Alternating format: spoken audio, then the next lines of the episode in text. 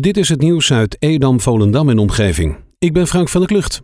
Morgen wordt een deel van Den Oeverlaan in Volendam afgesloten in verband met asfalteringswerkzaamheden. Tussen 7 uur en half 5 s middags wordt het gedeelte vanaf de Bruine Bank tot aan het einde van de straat afgesloten. De parkeerplaatsen blijven bereikbaar en de bewoners worden omgeleid. De laatste werkzaamheden zijn afgerond en vanaf morgen is het nieuwe parkeerterrein aan de Singelweg in Edam open voor publiek. Er moet nog wel wat puntjes op de i gezet worden voordat de gemeente het parkeerterrein kon vrijgeven. Zo moest de in- en uitrit zodanig aangepast worden dat de auto's veilig het parkeerterrein op en af kunnen rijden. Ook is de verharding in de middenberm breder gemaakt zodat auto's daar wachten op overig verkeer.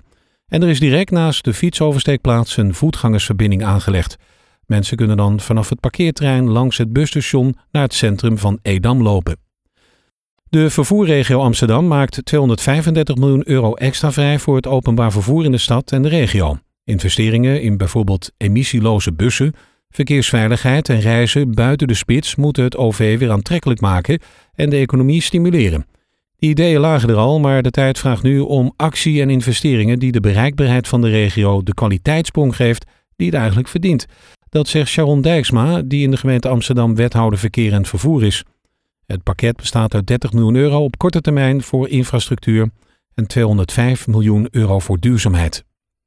Bij de baandervesting in Edam ligt al lange tijd een boot aan de kant. Op dit moment maakt de boot water en is dus heel langzaam aan het zinken.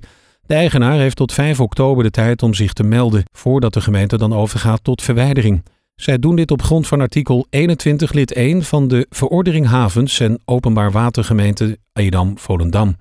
Mogelijk moeten zij eerder ingrijpen als dit nodig is voor het zinken van het vaartuig.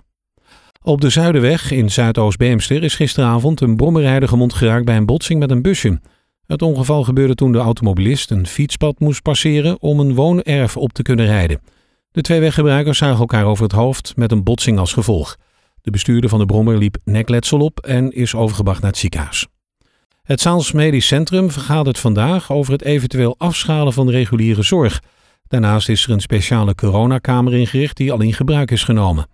Op de kamer kunnen vier patiënten terecht. Er is nog geen aparte coronaafdeling, zo meldt het Noord-Hollands Dagblad. Er lagen gistermiddag vijf patiënten in het ZMC op wie coronavirus is vastgesteld, waarvan waarschijnlijk twee op de IC.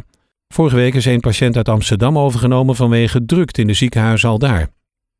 De gemeentewerf aan de Hoge Dijk in Katwoude denkt mee naar de Arie Keplerprijs.